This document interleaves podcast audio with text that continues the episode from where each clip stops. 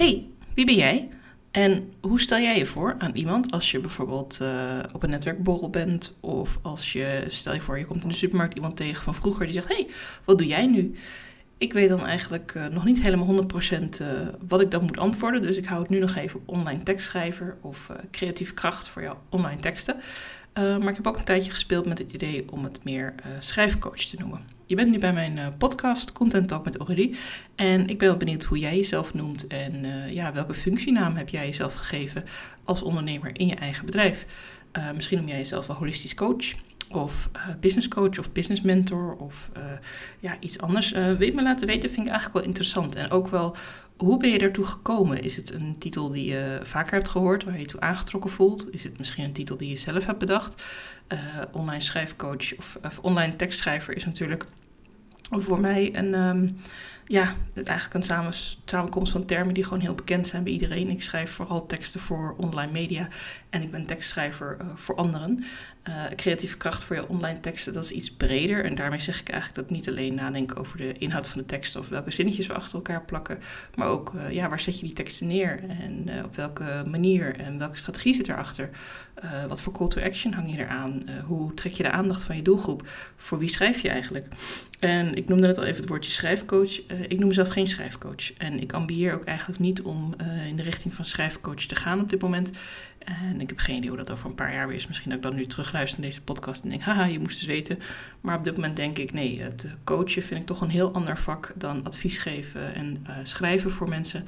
En wat ik uh, een beetje zat te bedenken toen ik deze podcast aan het voorbereiden was, van wat is nu eigenlijk mijn rol en, en, en de naam die ik eraan kan geven, wat ben ik dan wel? Want je kunt altijd zeggen, dit ben ik niet, ik ben geen bakker, ben geen brandweerman en ik ben geen schrijfcoach. Maar wat ben ik dan wel? Ben ik dan een verhalenverteller?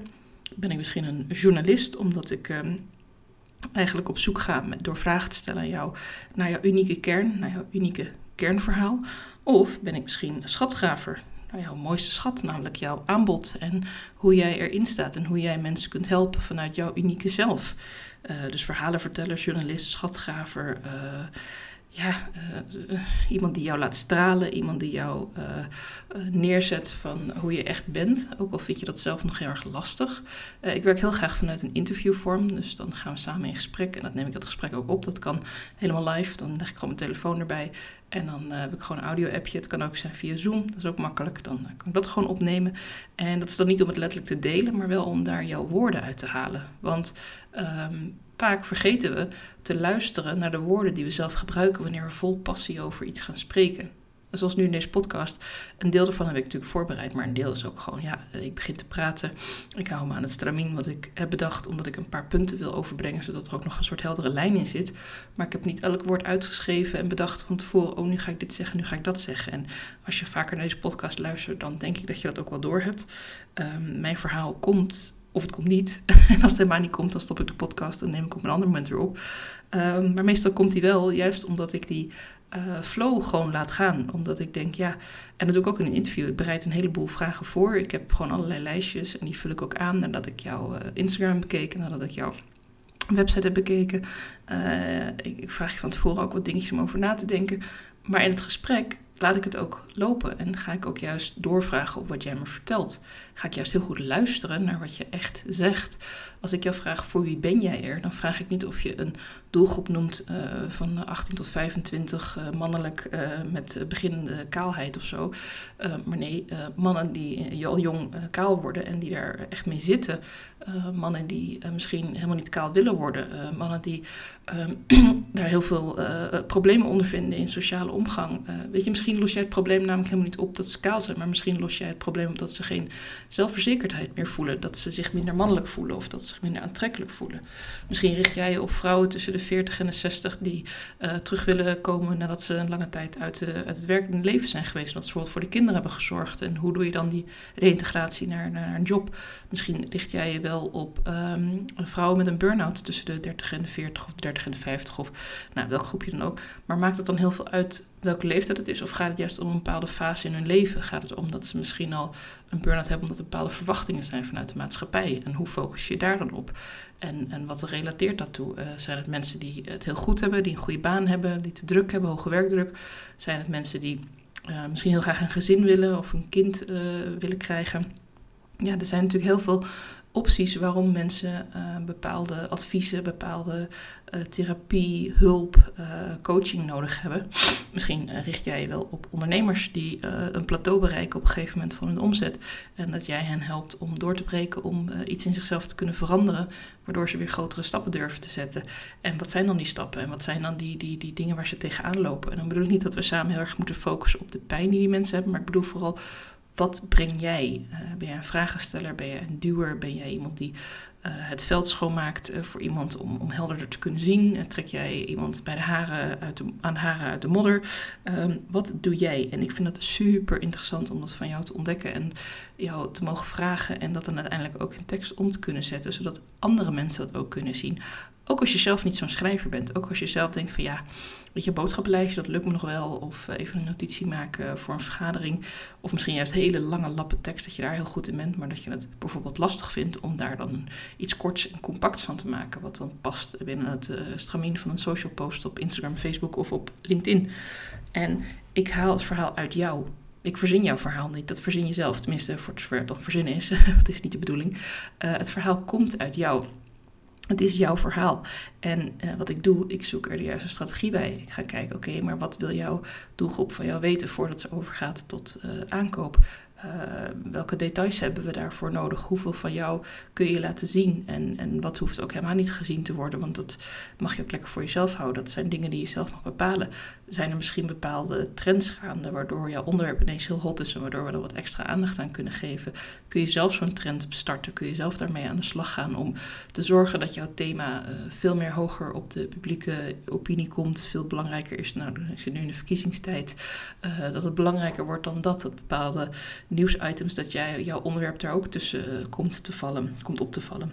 En natuurlijk zoeken we ook naar de juiste call to action. Want wat wil je dat de klant doet op het moment dat hij de post heeft gelezen, de podcast heeft geluisterd, de video heeft bekeken, een kennismakingsafspraak boeken, een product afnemen, instappen bij je programma, uh, ik weet niet, misschien op een wachtlijst of een, een, net nieuwsbrief aanmelden.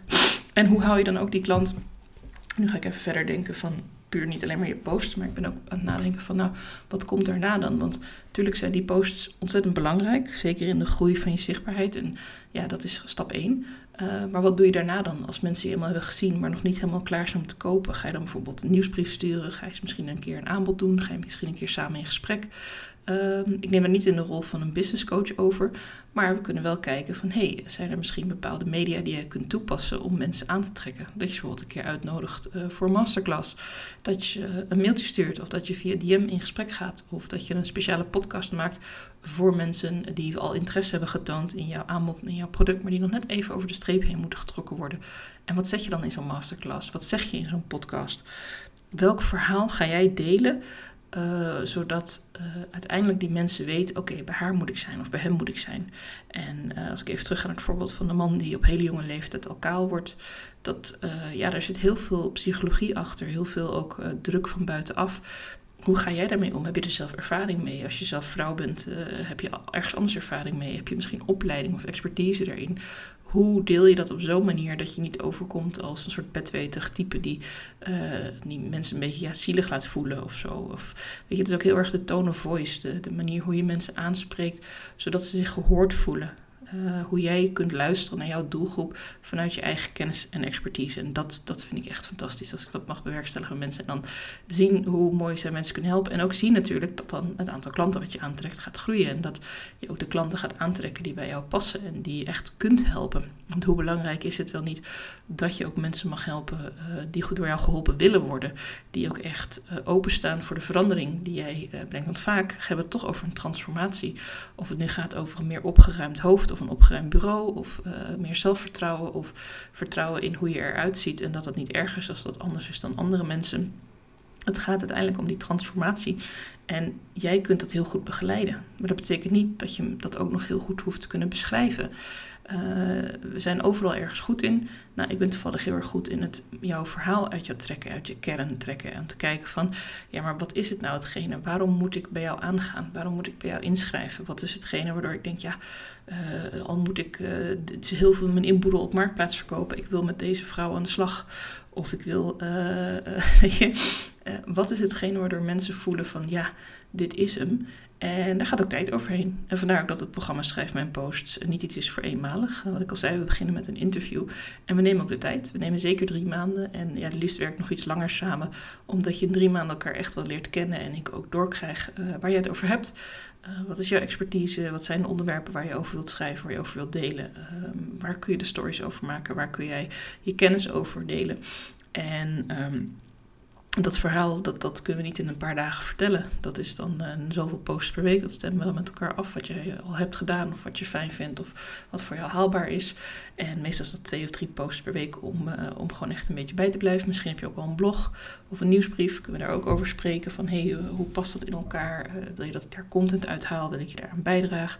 Kortom, schrijf mijn posts is eigenlijk het begin van een hele mooie samenwerking. Waarin we samen gaan kijken hoe we jouw doelgroep echt verder kunnen helpen hoe je ideale klant jou weet te vinden en hoe zij ook niet langer hoeft te zoeken naar hulp. Want die hulp is er al, alleen die hulp weet misschien nog niet helemaal precies hoe ze zichzelf mag uh, presenteren en hoe ze zichzelf mag laten zien aan die groep die haar nodig heeft. Want weet, ik weet echt heel zeker, er zit een groep mensen op jou te wachten die op dit moment nog niet weten dat jij er bent, die op dit moment nog niet weten dat jij dat mooie aanbod hebt en dat jij uh, die problemen kunt aanpakken of dat jij uh, mensen ideeën kunt geven of inspireren